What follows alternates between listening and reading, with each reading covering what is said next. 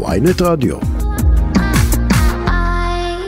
לפני קצת יותר מ-50 יום הצהירו במשרד האוצר ובהסתדרות המורים שהם הגיעו להסכמות על העלאת שכר המורים ושינוי לוח החופשות ובכך בעצם הסירו את האיום של הסתדרות המורים שלא לפתוח את uh, שנת הלימודים.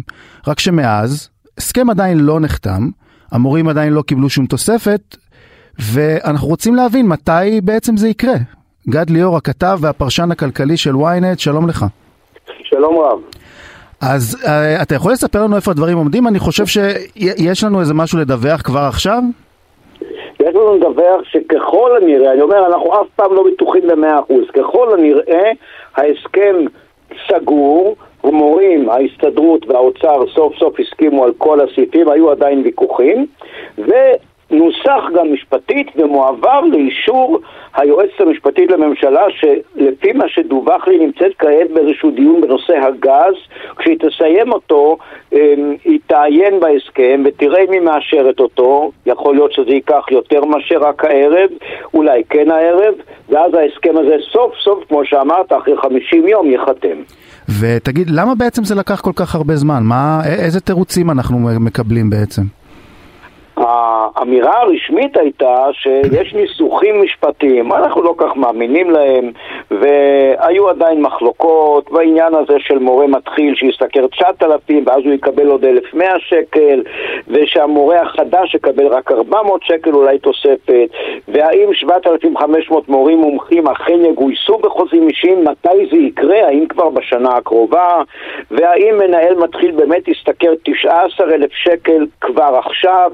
בכלל, אחת הבעיות היא שהחוזה, ההסכם הראשוני לא היה לגמרי ברור. למשל, כל החופשות שסוכם עליהן, השינויים, mm-hmm. ביטול של איסור חג, של ל"ג בעומר וכולי, לא מתקיים עדיין השנה, הוא נועד להתקיים בשנה הבאה, ואפילו על זה אני מבין שהיו עדיין אה, ויכוחים, האם זה באמת יתקיים, צריכים להיערך לזה, אני לא יודע מה צריך להיערך, ללמד באיסור חג במקום לא ללמד באיסור חג. אגב, אה, השמחה הגדולה תהיה כנראה החיבור שממילא רבים עושים, כיפור וסוכות, לא? שבין, הגשר הזה שבין יום כיפור לסוכות, שזה עתה היה ורבים לא שלחו את הילדים לבית הספר כי הם היו בכלל בחו"ל, אז אה, כן, זה מה שיהיה. יש גם מענקים של 400 שקל עד 1,000 שקל שכל מנהל יוכל לתת למורים שיתלו על עצמם תפקידים, שיצטיינו אה, וכך הלאה. היו ויכוחים סביב הסעיפים האלה, המורים כמו תמיד ניסו עוד לשפר אה, עמדות. אומרים לי במשרד האוצר שבעצם ההסכם הוא כמעט זהה לחלוטין לזה שעליו סוכם יום אחד לפני תחילת שנת הלימודים. טוב, אז אנחנו באמת נגלה, ותגיד, אבל אחרי שיפורסם ההסכם אנחנו גם אה, אולי נבין אם באמת המורים יקבלו, מתי, מתי הם יקבלו את הכסף, ממתי? זאת אומרת, האם זה מהראשון לספטמבר? האם זה מ... מ אולי אם ההסכם נחתם עכשיו אז רק מהראשון בנובמבר, ואז הם מפסידים חודשיים? זה... בהחלט השאלה במקום, להגיד לך משהו, לא קיבלתי עד לרגע זה תשובה ברורה. הם אומרים מרגע חתימת ההסכם, זאת אומרת, מ-1 בספטמבר. כן, השאלה אם זה ייקרא ההסכם או ההסכם עצמו, כל אחד בטח אה, יבוא עם פרשנות משלו. אנחנו יודעים דבר אחד, אני כמי שנמצא בארבעה עשורים במעקב אחרי משרד האוצר, יודע דבר אחד, האוצר לא אוהב לשלם. אז הוא ינסה קצת לחמוק, אולי רק מאוקטובר, אולי רק מנובמבר, אולי רק מינואר. יכול להיות, אנחנו לא בתוך חדר הדיונים, שגם על זה היו ויכוחים, בכל אופן זה לא אושר. אה, באוצר אומרים, חד וחלק אומרים, גם דוברת משרד האוצר אמרה לנו את זה, המורים לא ייפגעו בכלל מכך שעדיין הדיונים נמשכו. זאת אומרת, מה שנחתם ב-29 או ה-30 באוגוסט, זה מה שיהיה בלי שום אה, שינוי בעניין התשלומים, והם יקבלו את הכסף גם רטרואקטיבית, כך שהם לא ייפגעו. הבנתי. בואו נראה אם אה, זה מה שיקרה. ובעצם, אבל כל חודש כזה, הרי בעצם המשמעות שלו היא מבחינה כספית היא גדולה מאוד. הרי הם הרי תקצבו את, ה, את ההסכם הזה, והם יודעים כמה הוא אמור לעלות להם, אני מניח. ארבעה מיליארד שקל בערך, זה קצת גדל אפילו. יש מה שצריך להבין כאן, שיש מה שנקרא הגבלה בהוצאות של הממשלה שמותר לה להוציא, ולכן חלק מהסכום הזה בעצם משולם רק בשנה הבאה, אז אפשר איכשהו להסתדר בחודשים המעטים שנותרו השנה. תמיד אה, ישראבלוף, תמיד אה, עושים איזשהו... מעבירים, מעבירים מכיס אחד לכיס שני כדי שזה, כן, כדי שזה יסתדר. הרשאה להתחייב, אתה מכיר את זה? כן. הרשאה להתחייב. אנחנו מבטיחים עכשיו ואנחנו כבר כותבים, זה כמו כרטיס אשראי, בעצם אנחנו קונים עכשיו את המקרר אבל משלמים רק בשנה הבאה, זה בערך אותו דבר. אז, אז בעצם אתה מעביר אותנו באמת לנושא הבא והחשוב. אה, הנתוני גירעון שפרסם האוצר בנתוני התקציב, יותר נכון, ההכנסות אה, וההוצאות שפרסם בשבוע הקודם, מראה שהמצב טוב בעצם, שאנחנו באיזשהו עודף תקציבי אה, ש, שהולך וגדל, שבעצם לכאורה אפשר לבוא ולהגיד, הנה, מה אתם מתווכחים עם המורים? למה זה לא נסגר עדיין? למה אתם מעבירים מכיס אחד לכיס שני? הרי יש כסף. זה נכון, נכון. באמת? אז קודם כל יש כלל, אמרתי כלל ההוצאה, והוא אומר בעצם שכשאתה גובה יותר מיסים, אתה יכול להוריד מיסים אבל לא להגדיל הוצאות. למשל, תוריד מס הכנסה, תוריד מע"מ, אתה לא יכול עם הכסף הזה להגדיל הוצאות, כי הגדלת ההוצאות הרי תהיה גם לשנה הבאה, לא שנתיים, לא שלוש, ואז אולי לא תהיה גביית מיסים אה, כל כך גבוהה, ומיסים אפשר שוב להעלות. ותאר לך שעכשיו מעלים סתם לדוגמה את שכר המורים בעוד ארבעה מיליארד, ויצטרכו גם בשנה הבאה לשלם עוד ארבעה מיליארד.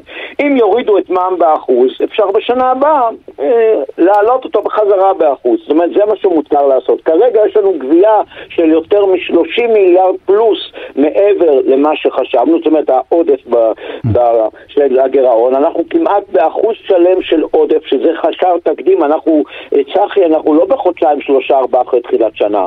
אנחנו תשעה חודשים אחרי תחילת השנה. ועדיין יש עודף גדול בתקציב. אני צופה אבל שזה יקטן, כי בדצמבר נקרא תמיד חודש הבזבוזים.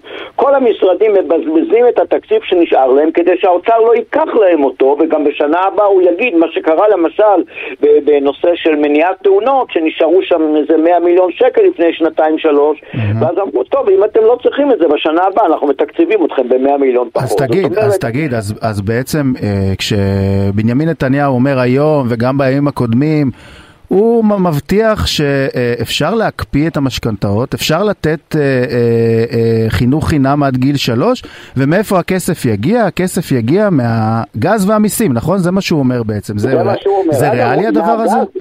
מהגז מותר. הגז נועד למטרה הזאת, זאת אומרת נאמר, לחינוך, לבריאות ולתשתיות, אבל אתה יודע, זה אה, לא פחות טוב ממני. כל מה שמותר להשתמש בגז זה מהרווחים, לא מהקרן עצמה, שהיא עכשיו 1.2 מיליארד שקל. זאת אומרת, הרווחים מהריבית. בואו נגזים ונגיד שהם 40 מיליון, נו באמת, עם 40 מיליון אתה תוכל לסייע עכשיו הרבה לחינוך או לתשתיות, בינתיים אין שם את הסכומים שאגב אותו נתניהו הבטיח לנו לפני שנים, אמר שיהיו פה מאות מיליארדים, בינתיים יש מיליארד אחד וקצת יותר ומשם אפשר לקחת. אה, אה. אבל אמרת קודם שהוא רוצה להקפיא את המשכנתאות, אני לא כך יודע איך עושים את זה בדיוק, מה?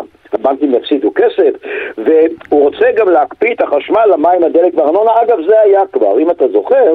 אז הקפיאו את השכר הממוצע. במשק בגלל הקורונה במשך שנתיים ובאמת מחירי החשמל והארנונה לא, לא היו.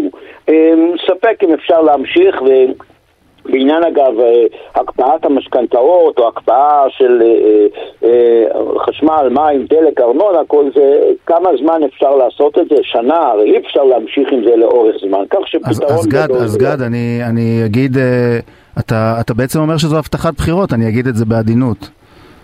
כן, זאת הבטחת בחירות. שלא אגב, באמת כנראה אפשר לממש אותה. מותר לעשות את מה שעשתה הממשלה הזאת, להוריד את המס על הדלק, היא עשתה את כן. זה. הוא גם הבטיח לעשות את זה. בואו נראה, אני רוצה להזכיר למאזינים, ב-15 בנובמבר אתם תשלמו שוב יותר על הדלק, כי הצו כרגע של הפחתה של 77 אגורות לפי שעה, הוא עד ה-15 בנובמבר. נכון. מה-16 בנובמבר ג... תשלמו אותם יותר. גד, אני מבטיח שגם על זה אנחנו נדבר, אבל הפעם זה יהיה בשבוע הבא.